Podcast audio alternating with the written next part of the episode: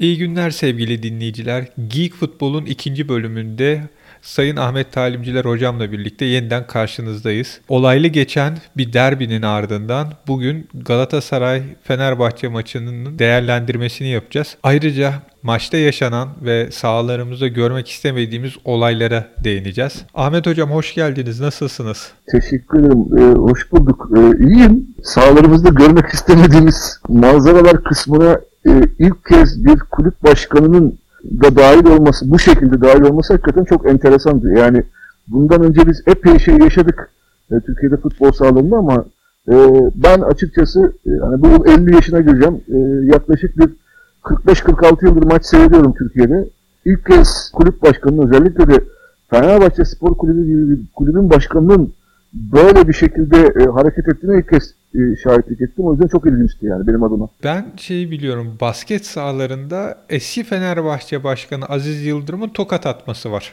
Bakın oralarda var. O tip olayların olduğunu biliyorum ama böylesi bir sahne yani protokol tüp, tribünden atlaması tabii çok büyük bir olay. protokol, protokol tribününden bir e, bir de Ali Koç gibi bir e, kişiliğin atlaması. Yani e, şimdi Aziz Yıldırım Aziz Yıldırım tiplemesine bakarsanız yani Aziz Yıldırım tiplemesi içerisinde e, insanlar Aziz Yıldırım'la ilgili olarak e, öyle ya da böyle yaptığı bazı hareketlerle ilgili olarak e, Aziz Başkan'a yakışır üzerinden gidebilirler. Ama söz konusu olan Ali Koç gibi bir e, imge ise o zaman işler değişmeye başlıyor. Bir de yani e, oradan aşağı atlamak ve bunun üzerinden bütün bunları açıklamak çok enteresan. Hakikaten çok ilginç bir şey bu. Ve zaten siz de gayet iyi biliyorsunuz ki bu durum Avrupa'daki gazetelere de çok acayip bir şekilde yansıdı. Evet.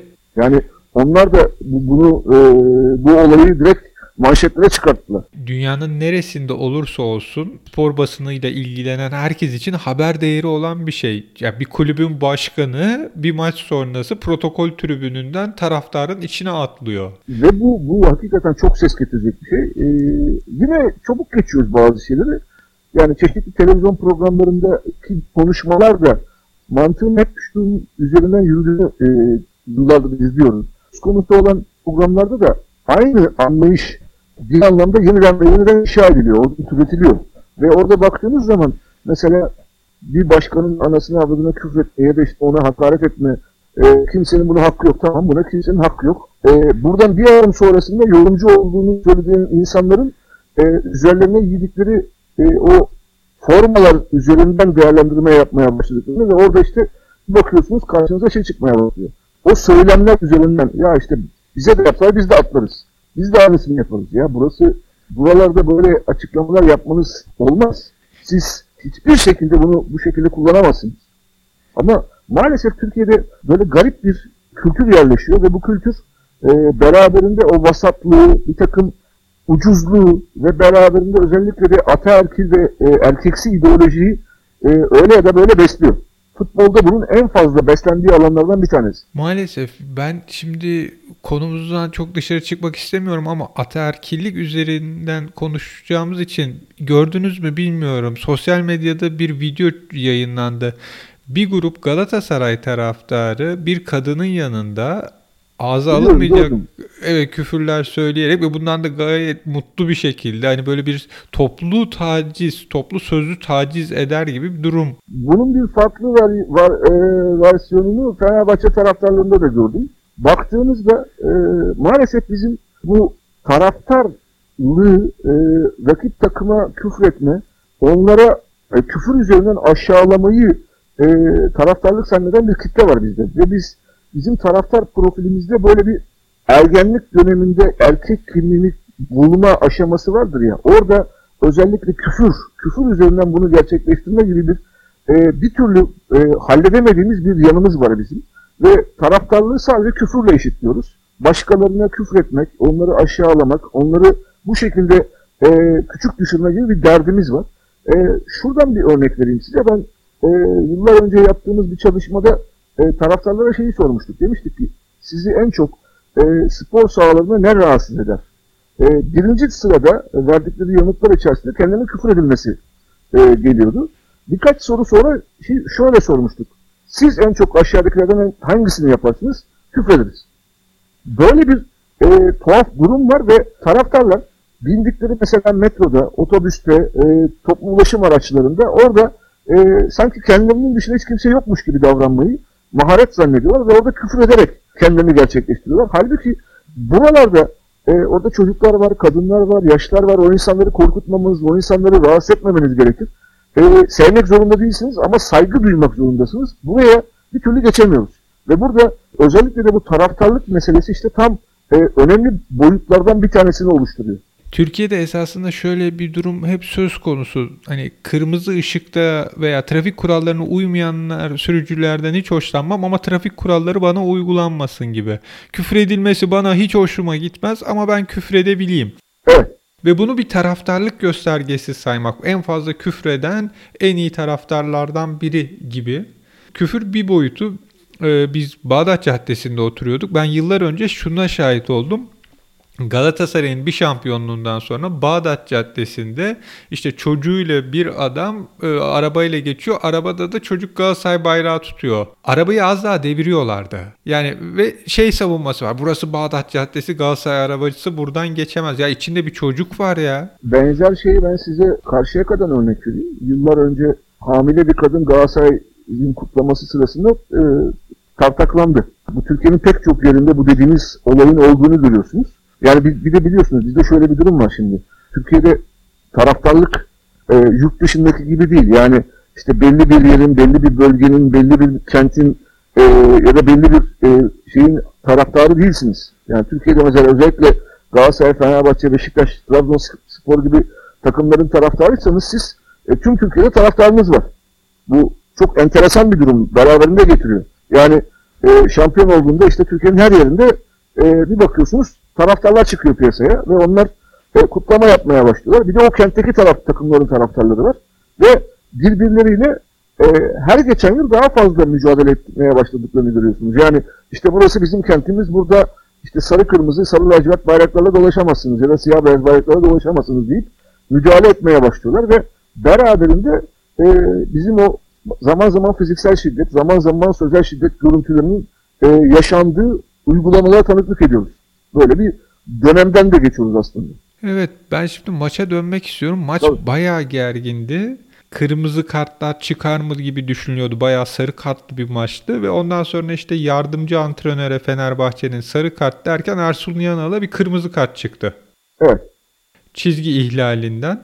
Daha sonra da iki futbolcuya çıktı. Fakat o noktada ben Fatih Terim'de daha önce hiç görmediğim bir şey gördüm. Maç boyunca bir sakindi. Evet. Yani o alıştığımız Fatih Terim'e göre bayağı bir sakindi. Evet.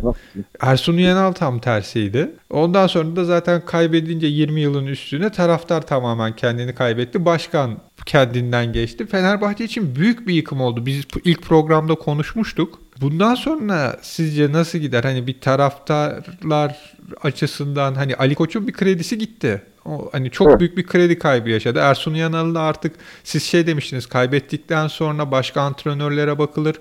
Hani gelecek seneyi yapması zor görünüyor. Siz şu an için ne düşünüyorsunuz Fenerbahçe açısından? Hem oyuncular hem başkan hem antrenör yönüyle bakarsak. Şuradan başlayayım. Şimdi bir e, dediğinizde haklısınız. Yani sahada önceki yıllara göre çok sakin olan bir Fatih Terim vardı. O da kesinlikle haklısınız. Hatta o öylesine sakindi ki mesela o e, Belhanda ile Deniz Türüç arasında yaşanan gelişmelerde olayı sakinleştiren, Deniz Türüc'ü e, kendine getiren, e, onu yavaşça kenara alan, suratını hafif okuyup hafif böyle küçük yumuşak tokatlarla kendine getiren bir Fatih Terim vardı.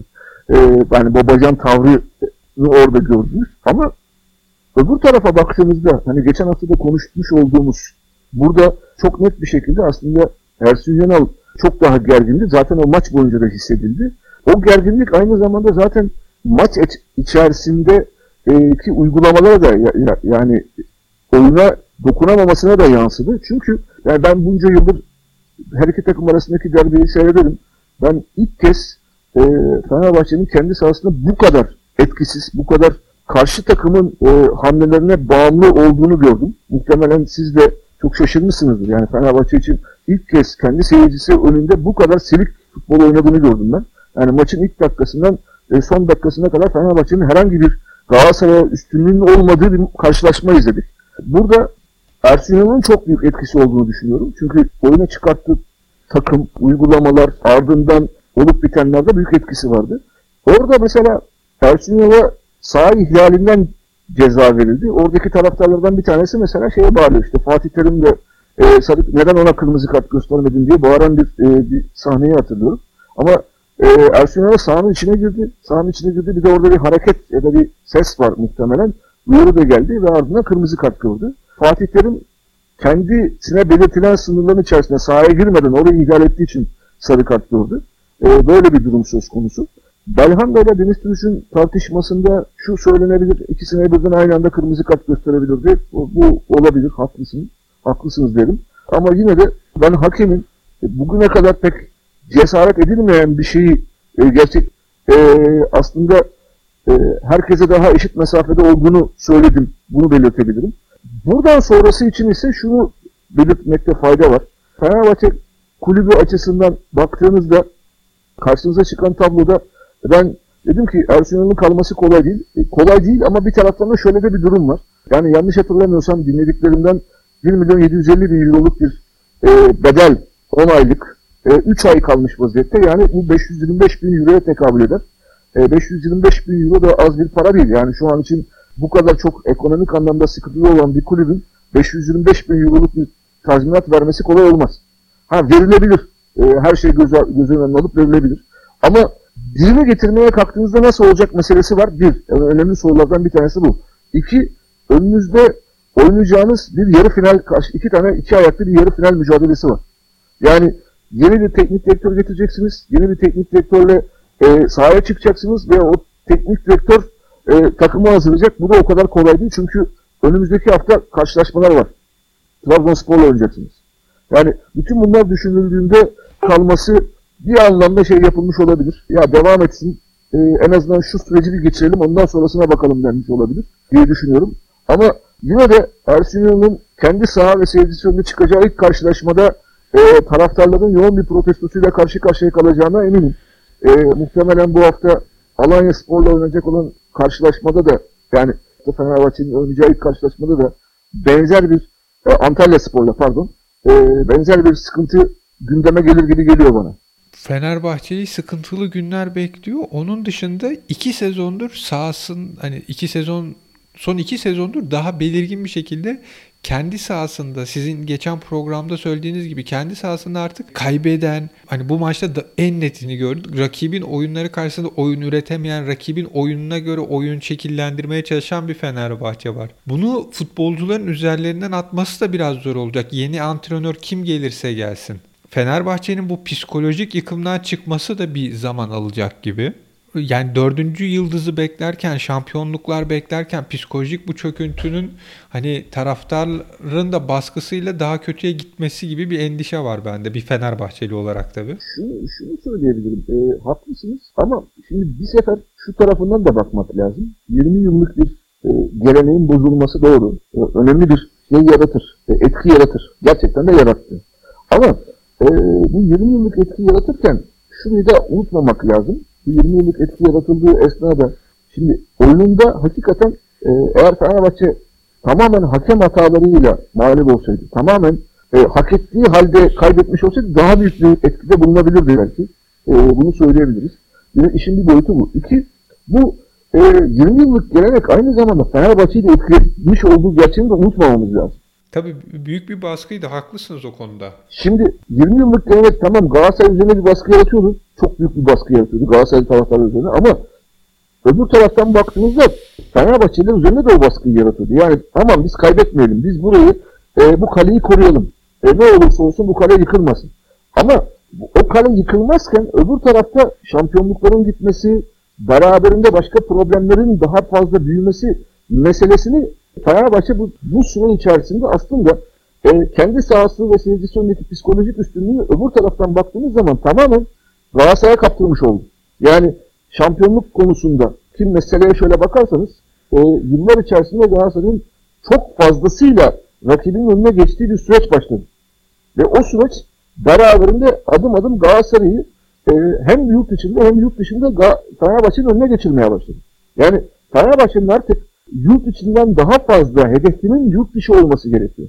Ve o hedefi tutturabildiği ölçüde Fenerbahçe daha büyük bir kulüp formatına bürünecek. Sadece Türkiye açısından söylemiyorum bunu. Yani e, ezeli rakibimizle Türkiye içinde mücadele etmek önemli bir şey ama ezeli rakibimizin sizin üzerinizdeki etkisini kırmanın yollarından bir tanesi sadece Türkiye'de şampiyon olmak ya da dördüncü yıldızı takmak değil. Bunu e, bence Fenerbahçe'nin daha fazla ön plana çıkartması lazım. O yüzden de şeyi hatırlayın. Basketboldaki Fenerbahçe'nin yaptığını hatırlayın. O Euroleague şampiyonluğunu getirmek ve onun etrafında yıllardır adım adım üst düzeye çıkartmak tesadüf değil. Ve bu başarıyı futbola da yansıttığınızı düşünün. Oraya doğru da adım attığınızı düşünün. Kolay değil. Kabul ediyorum. Artık e, yani bir Türk kulübünün UEFA kupasını alması bile o kadar kolay değil. Bunu bunu söyleyeyim. Şampiyonlar Ligi zaten hayal de. E, ama UEFA'da daha üst sıralara çıkabilmek, orada daha büyük başarılar elde edebilmek hala e, olası. Bunu söylemek lazım. Hocam burada şimdi başka bir soru soracağım. Siz demin bahsettiğiniz medyadan hani yorumcuların bu üstlerine giydiği formayı ve taraftarlığı iyice ortaya çıkarmasından. Fenerbahçe medyası hani bütün takımların kendi medyası vardır da Fenerbahçe medyası zaten ayrıca konuşulan bir konudur. E şimdi Fenerbahçe'nin hani bir tarafta Aziz Yıldırım'ı destekleyen bir grup yorumcu ve spor yazarı varken bir grup işte Ali Koç'un yanındayken hani böyle zaten tamamen karışık bir haldeki Fenerbahçe'de basket çünkü biraz daha yanda kalan bir unsurdur futbola göre. Futbolda kendini başarıya götürme ihtimali var mı? Yani Fenerbahçe bu kadar karışırken hala çeşitli gruplar hani içten içe kaybetti bu sene de şampiyon olamadı diye sevinirken. Yani şunu söylemek lazım. Ee, bir sefer karşımızda gerçekten çok büyük bir kulüp var. Burayı atlama, atlamıyoruz. Yani e, Fenerbahçe e, hakikaten çok çok büyük bir kulüp. Türkiye açısından çok önemli bir kulüp. Eninde sonunda 20 yıl 20 yıllık bir gelenek de bozulacak. Her yerde olabilir bu. Bir mağlubiyette hiçbir şey bitmez. Ama Fenerbahçe'nin asıl üzerinde durması gereken husus şurası. Fenerbahçe Tabii bu kadar büyük olunca beraberinde e, medyada da çok büyük bir etkisi var. Yani şöyle bakarsanız bugün yani ben bunu daha evvel söylediğimde bazı arkadaşlar bana alınmışlardı ama e, aslında Türkiye'de hani bir zamanlar e, Turgut Özal'ın bir iki buçuk parti şeyi vardı bilirsiniz. İki buçuk partiden bahsederdi. Evet. Yani Türkiye'de de aslında şöyle bakarsanız her, her ne kadar bayağı takımdan bahsetsek de işte dört büyükler diyoruz. İşte şöyle 20 takımı söylüyoruz falan ama e, aslında iki tane takım var. Asıl olan. Galatasaray Fenerbahçe. Diğer Beşiktaş'ta Trabzonspor'da burada e, onların yanına takılan, katılan, e, onlarla beraber hareket eden takımlar diyebiliriz. Ama asıl etkiyi yaratan bu ikisi arasındaki mücadele. O yüzden de e, burada Fenerbahçe'nin e, gücü medyada da çok fazla ve o medyadaki gücünün bu kadar fazla olması beraberinde e, medya üzerinden de Fenerbahçe'nin çok fazla eleştirilmesini ve tartışmasını da getiriyor. Yani bakın Benzer problemler Beşiktaş'ın ya da Trabzonspor'un başına geldiğinde o kadar sesin çıkmadığını görürsünüz. Ama Fenerbahçe'nin e, yaşadığı her şey anında gündeme çıkartılır. Anında daha fazla tartışılır. E bunun beraberinde getirdiği daha büyük yansımalar da var. Yani hem saha içinde hem saha dışında. İşin bir de böyle bir yanı var. Yani büyük olmak beraberinde bir de bunu kontrol edebilmek, bununla mücadele edebilmeyi de getiriyor. Bu süreç içerisinde belki de yani Ali Koç'la ilgili olarak söyleyebileceğim en önemli husus şurası. Yani Ali Koç yöneticiliği, başkanlığı ön plana çıkartarak, taraftarlığı biraz daha arka planda bırakarak hareket ederse bence çok daha faydalı olacak. Orada atlamak ya da başka bir takım açıklamalarda bulunmak, Fenerbahçe'nin haklarını tabii ki savunmalı. Tabii ki onunla ilgili açıklamalarda bulunmalı ama ondan bence e, benim tanıdığım çok sayıda insanın da e, dile getirmiş olduğu bana yazdıklarında da gördüğüm beklenen şey şuydu. Ali Koç'la beraber Türkiye e, yönetsel anlamda bu kulüplerin birbirleriyle olan ilişkisi anlamda başka bir boyuta geçecek diye bekliyorlar. Ama bu gerçekleşmedi. Ha burada ben e, tabii ki sadece Ali Koç'tan kaynaklanmadı bu ama maalesef Ali Koç da bunun gerçekleşmesi konusunda bence yeterince e, onlar ondan beklendiği kadar e, gayretli ve tutkulu olmadı değil. Yani o bir anlamda başka bir şey olmayı seçti. E, bence tam tersi olmalıydı. Yani Türkiye'de Aziz Yıldırım ya da Alişan figürü e, gibi figürler oldu ama bu figürlerin e, belli bir süre sonra kendi kulüplerinin taraftarlarının dışında sevilmediği gerçeğini unutmaması gerekiyor. Yani tabii ki onların başkalarının onu sevmesi gerekmiyor olabilir ama bir taraftan da şöyle bir durum var. Böylesi bir kulüpseniz ve böylesi bir markaysanız tabii Şimdi de böyle bir boyutu var Ali Koç açısından. Ve o markalık e, meselesi beraberinde geliyor. Ve Fenerbahçe bu açıdan gerçekten çok büyük bir marka. Ve o marka için de e, Ali Koç'un biraz daha daha fazla dikkatli olması gerekir diye düşünüyorum ben.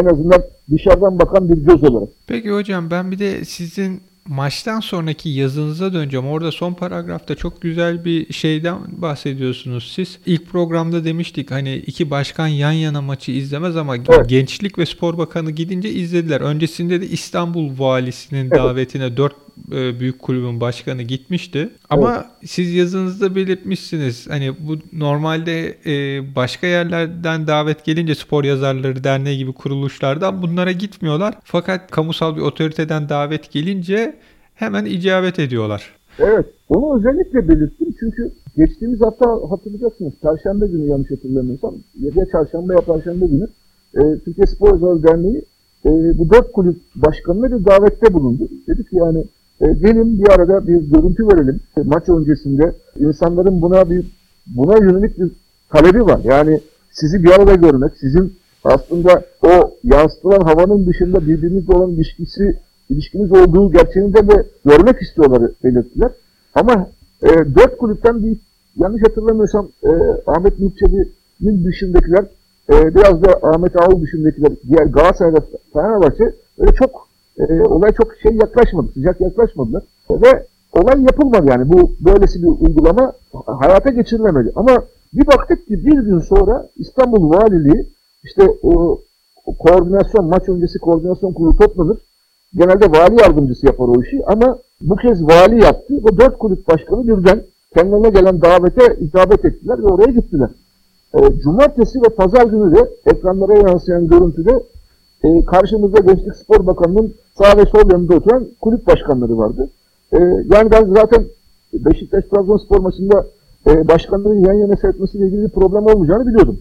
Ama eğer böylesi bir uygulama olmasaydı pazar akşamı e, Galatasaray Kulübü Başkanı ve Fenerbahçe Kulübü Başkanı yan yana oturmayacaklardı.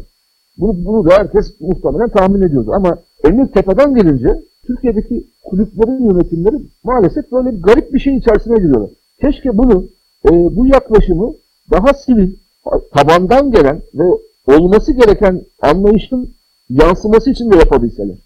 Ben o yüzden o yazının o, o bölümünü özellikle o kısmı koydum. Yani e, Türkiye'de aslında ihtiyacımız olan şey devlet otoritesinin kulüp başkanlarını çağırdığında e, o davete icabet etmeleri değil. Tam aksine bence sivil işte medyanın Türkiye Spor Derneği gibi kurumlar çağırdığında gitmeleri bence çok daha etkileyici ve anlamlı olacak.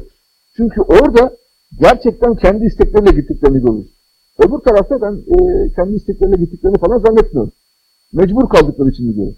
E, mecbur kalmasalar gitmezler ama Türkiye'de zaten her şeyde üst otorite çözüyor. Yani hakemleri odaya kitlediğinizde bile hakemlerin o kitlendikleri odadan çıkması kırılamayacak bir büyükten gelen telefon olabiliyor. O, orada kesinlikle haklısınız. Hatta şunu da belirtmek lazım. Mesela maçın bitiminde yani hatta geçen hafta Sayın Cumhurbaşkanı tarafsızlıkla ilgili bir takım açıklamalarda bulundu biliyorsunuz.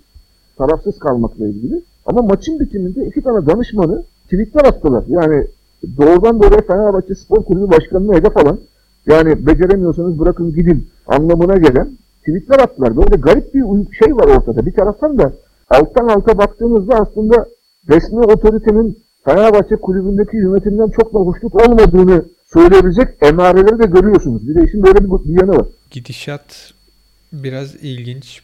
Bir önceki programda konuştuğumuz gibi şeyler de var. Çünkü ben sosyal medyada bir de şunu gördüm. Çoğu Fenerbahçe taraftarı da şey yaz- yazdı. Tamam biz artık yarışta yokuz ama Trabzon bak bakalım Galatasaray senden şampiyonluğu nasıl alacak? Hani bütün hükümet arkanda gibi dursa da Galatasaray sana o şampiyonluğu bırakmayacak. Oyunları şimdi izle gibi. Tabii şöyle de bir şey var. Bu da ilginç bir açıklama aslında. Tam söylediklerinizde. Yani bir taraftan içten içe tamam biz ne kadar ezeli rakip olsak da sonuç itibariyle düşmanımın düşmanı dostumdur e, meselesi gibi bir ha- hava ortaya çıkıyor orada yani Trabzonspor mu olsun Galatasaray mı olsun meselesinde muhtemelen pek çok Fenerbahçeli Galatasaray diyecektir. Bir de işin böyle bir yanı var. Böyle enteresan bir durum var ortada şu anda. Ama bir taraftan da şunu söylemek lazım. Mesela Trabzonspor ile Fenerbahçe arasında Trabzonspor'un Türkiye birinci ligine çıktığı andan itibaren bir rekabet var. Yani Trabzon'un birinci olduğu sezonlarda bakarsanız ikinci olan takımın Fenerbahçe olduğunu görürsünüz. Ya da Trabzon'un şampiyonluğu kaçırdığı senelerdeki e, şampiyon olan takımın Fenerbahçe olduğunu görürsünüz. Böyle ilginç bir durum var. Yani Trabzonspor'la Galatasaray arasında böyle bir rekabet olmadı. İlk kez böyle bir e, ilginç bir güzergaha doğru gidiyoruz. Ha şunu da söylemek lazım. Hani mental anlamda çok kolay değil Fenerbahçe'nin işi ama hala bir şansı var. Yani matematiksel anlamda hiçbir şey bitmiş değil. Ee, onu söyleyebiliriz. Ama tabii mental anlamda ve böyle bir hazırlık anlamında çoktan pek çok şey bitti diyebilirim. Yani Ankara hücumatıyla beraber.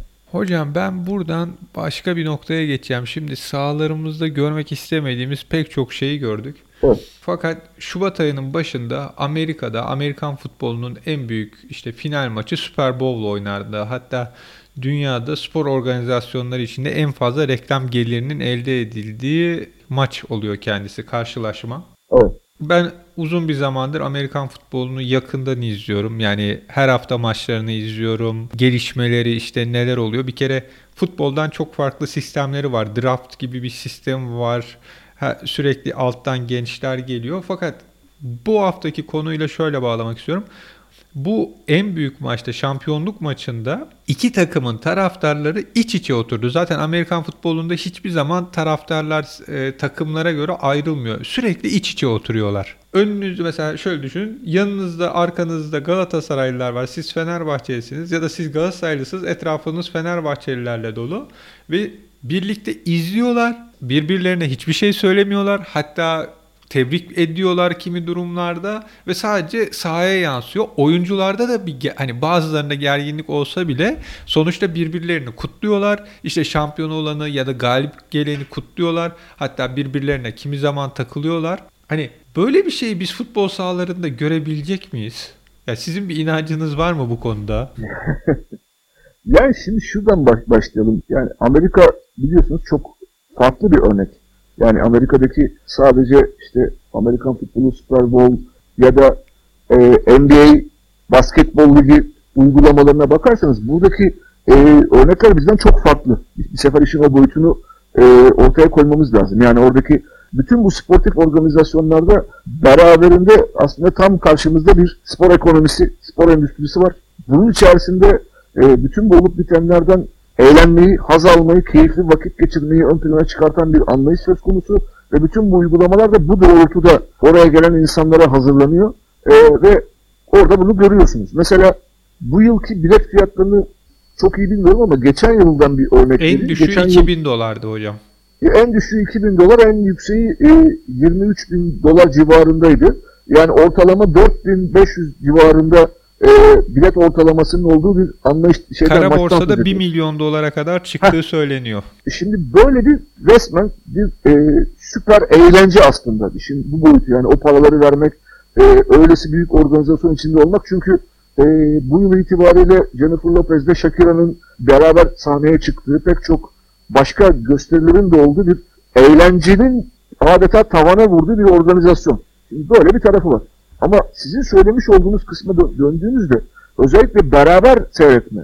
Şimdi burada rekabet, kızdırma, yani oradaki ilişki kalıbı da çok farklı tabii. Yani bunu da söylemek lazım. Bizdeki şimdi futbolun kendisinde olan o rekabetin boyutuyla buradakiler farklı. İşin içerisindeki kültür de farklı ve bütün bunlar oraya yansıyor. Bize döndüğümüzde bizde böyle bir şey olur mu e, kısmına geldiğimizde şuradan örnek vereyim size. Şu anda yılını hatırlamıyorum ama çok ilginç bir e, görüntüydü o. Fenerbahçe'de Roberto Carlos, Galatasaray'da da e, yine bir Brezilyalı Lincoln hocam, Lincoln. Lincoln, ha Lincoln. E, Lincoln ile ikisi böyle e, birbirlerine savurmuşlar. Maçı yani maç bitmiş. E, ortalık böyle bayağı e, gerginlik devam ediyor. Futbolcular arasında da şey var ama bu iki Brezilyalı sarı kırmızı ve sarı lacivert formayla birbirlerine sarılmışlar ve bakıyor. Böyle ilginç bir sahneydi o. O sahneyi hiç unutmam. Şimdi sözünü ettiğimiz bizde olacak mı meselesi açısından çok kolay değil. Çünkü giderek biz bu aşamadan başka bir aşamaya getirdik aslında. Yani geçen hafta da kısmen dile getirdiğimiz Galatasaray'da ve Fenerbahçe'nin iki efsanesinin birbirlerinin formalarını giydiği andan ya da bir başka örnek vereyim. iki efsanevi başkan e, Faruk Ilgaz ve Ali Uras'ın birbirlerinin takım formalarını giydikleri andan biz buralara geldik. O yüzden e, bu, bu o kadar kolay değil. Ve giderek de daha da zorlaşıyor. Ama şuna ihtiyacımız olduğu gerçeğini konusunda da hepimizin bir şekilde dikkat etmesi gerekiyor. Yani oraya konulan pankartlar e, yani bu hafta aslında maçla ilgili olarak o pankartı da söylememiz lazım. Yani seni sevmiyoruz, seni seveni de sevmiyoruz e, gibi bir pankart asıyorsanız eğer tamam önceki e, Galatasaraylıların yaptığı şeylere de göndermede bulunabilirsiniz. Başka ifadeler de kullanabilirsiniz ama bir taraftan da bu tarz pankartların nefreti daha fazla körüklediği gerçeğini unutmamamız lazım ve bu, bütün bu pankartlara da gerek kulüp yönetimlerinin gerekse de taraftar örgütlerinin daha dikkatli davranması gerekiyor. Yani bu kadar keskinlik beraberinde başka problemleri getiriyor. Tekrar söylüyorum. Kimse kimseyi sevmek zorunda değil. Ama eğer bir ortamı paylaşacaksak birbirimize saygı duymak ve saygı göstermek zorundayız. Ve bunu taraftarlar da anlamak zorundalar. Benim şöyle bir tespitim var. E, futbol bu kadar büyük endüstrileşmeye doğru giderken beraberinde getirdiği noktada aslında taraftarlar birbirleriyle daha fazla iç içe geçmek ve birbirlerini daha fazla desteklemek zorundalar. Aksi halde çünkü gidişat onları da yavaş yavaş sahanın dışına doğru itiyor. Yani orada maç seyretmeleri giderek zorlaşacak. Ee, bakın ekonomik anlamda işler daha farklı yürümeye başlıyor. Yani her yeni yapılan stadyumla beraber orada daha alt gelir grubuna mensup olan taraftarların maç seyretme olanağı ellerinden alınıyor. İşin bu boyutları da var. Ve bunların hepsini düşünmemiz gerekiyor. Aynı zamanda getirilen bütün önlemlerin, geçen hafta da söylemiştik, sadece ve sadece taraftarları olması gibi bir komedi söz konusu. Bütün bunları da düşündüğünüzde taraftarların söz konusu olan bu futbol denilen e, artık bir işe dönüşen oyunu kendilerinin kılmaları isteniyorsa hala da birbirlerine daha fazla sarılmaları gerektiği kanaatindeyim ben. Hocam demin siz bir şey söylediniz. Düşmanımın düşmanı dostumdur diye. Valla hani Türkiye'de o çoğu zaman işlemiyor da yani rakip ikisi de rakip ikisi de olmasın üçüncüsü çıksın gibi bir mantık var. Var kış. Bir taraftara böyle gerçekten koyu bir taraftar ya sen maç izleyemeyeceksin bu adamlarla birlikte olmazsanız hani iki grup birlikte olmazsanız bir daha sahaya giremeyeceksiniz deseniz girmeyelim diyebilecek raddedeler. Yani o gözü karalık gelmiş artık. Hani bir grup içinde böyle bir gözü karalık var. Burada bu, bu söylediğinizde haklısınız ama bir taraftan da alttan alta şunların da olduğunu ben size söyleyeyim. Taraftar örgütlenmeleri arasında bağlantılar var, birbirlerinden haberdarlar. Bir taraftan şunun da farkında taraftarlar.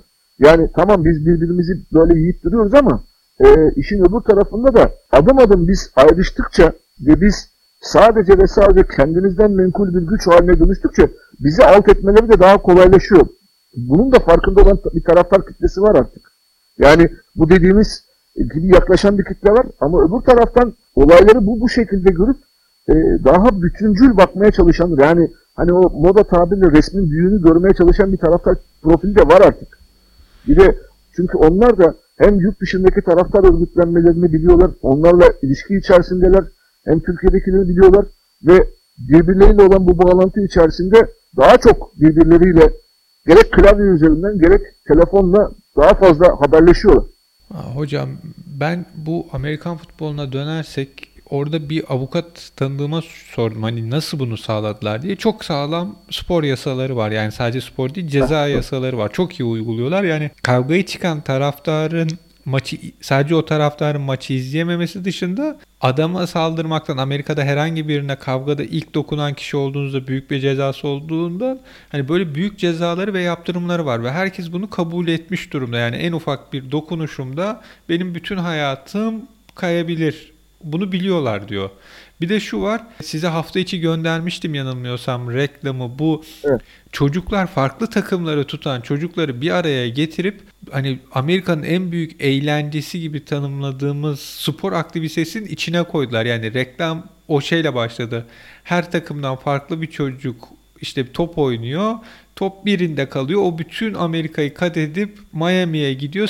Stat'tan içeri girerken orada canlı yayına döndüler ve reklamdaki bütün çocuklar stadın içine koştu. Ve hepsinin üstünde ligdeki her bir takımın forması vardı.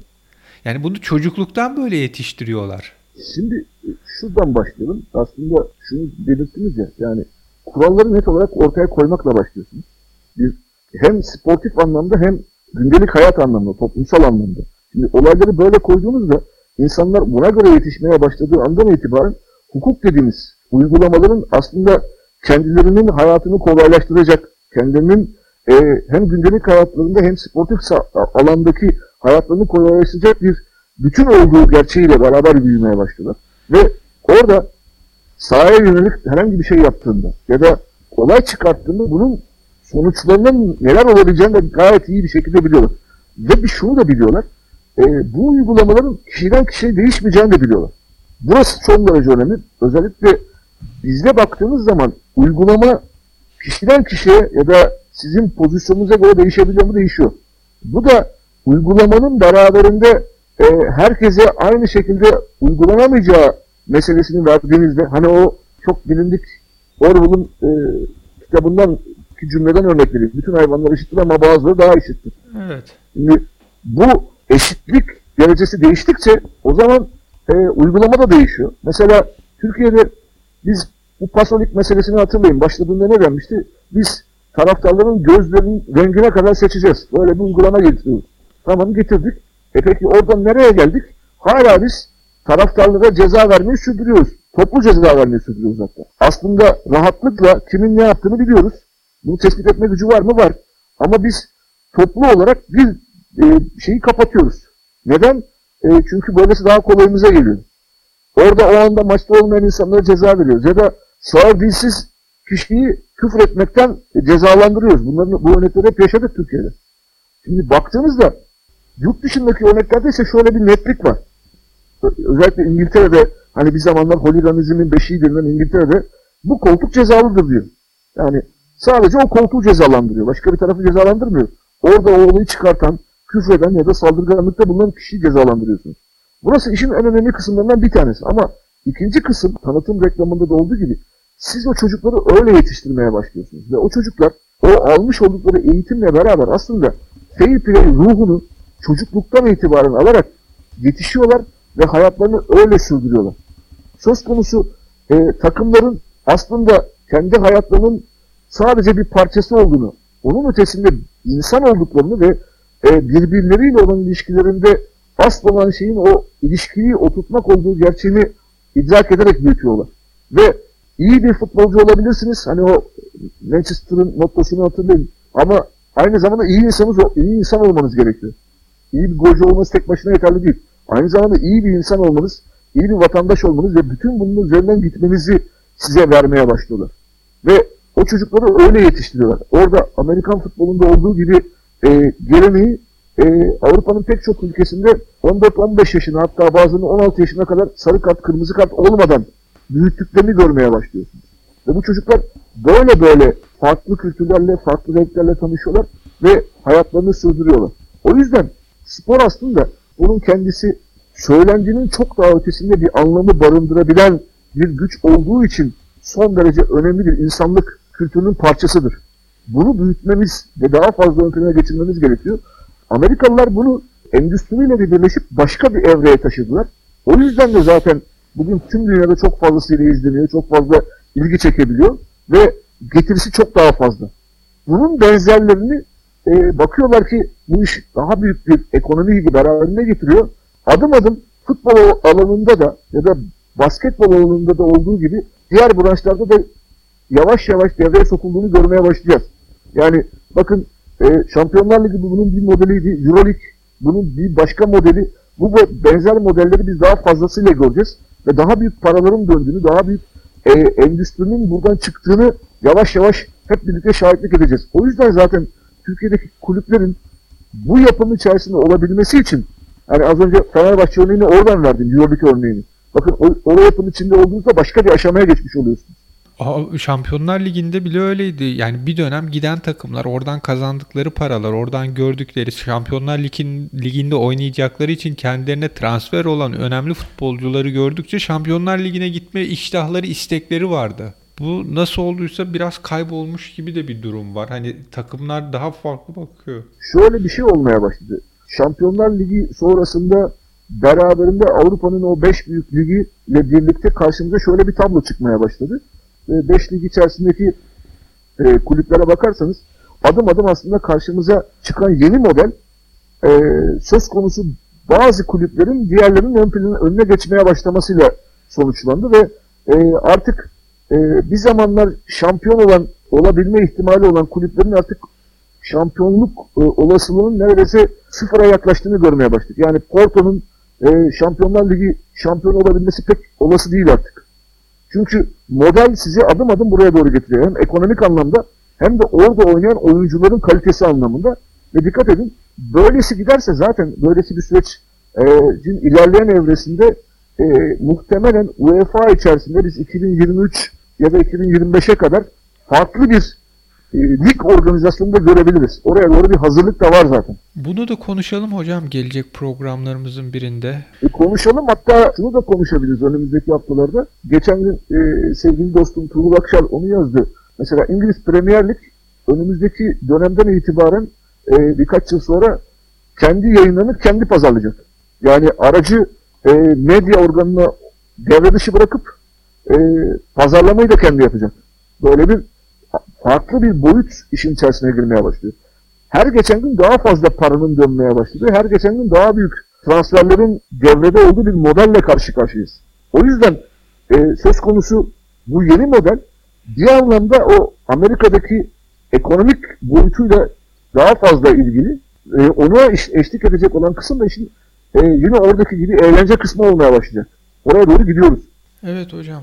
Bu haftaki program için çok teşekkür ederim. Ben teşekkür ederim. Epey, epey konuştuk. Evet, son söylemek istediğiniz bir şey var mı? Şunu söyleyebilirim e, son olarak.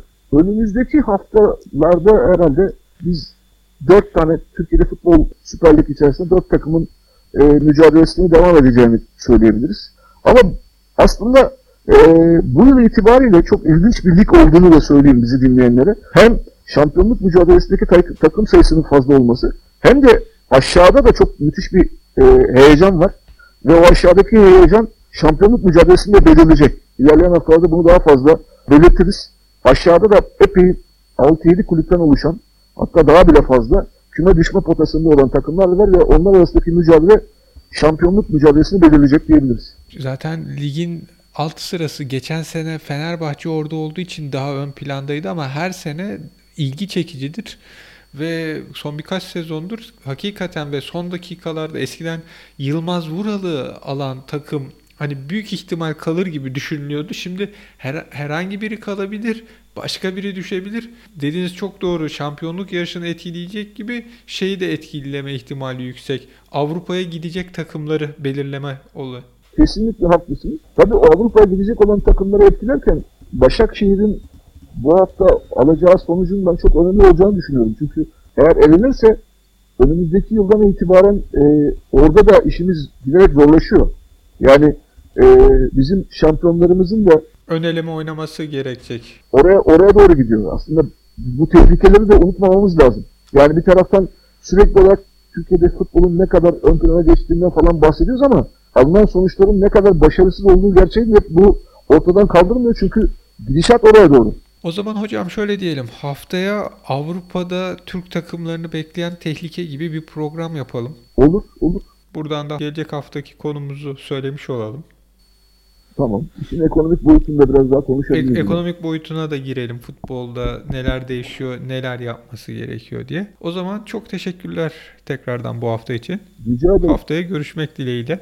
Görüşmek üzere. Sevgili dinleyiciler, Geek Futbol'un bu haftaki programının sonuna geldik. Gelecek programda yeniden görüşmek dileğiyle. Yayınlarımızı Spotify üzerinden, Pul'un ürettiği tablet veya bir telefon kullanıyorsanız podcast application'ında Geekgiler yazarak, Android temelli bir tablet ya da telefon kullanıyorsanız yine podcast application'ında Geekgiler yazarak veya yayınları yüklediğimiz Spotify'dan dinleyebilirsiniz.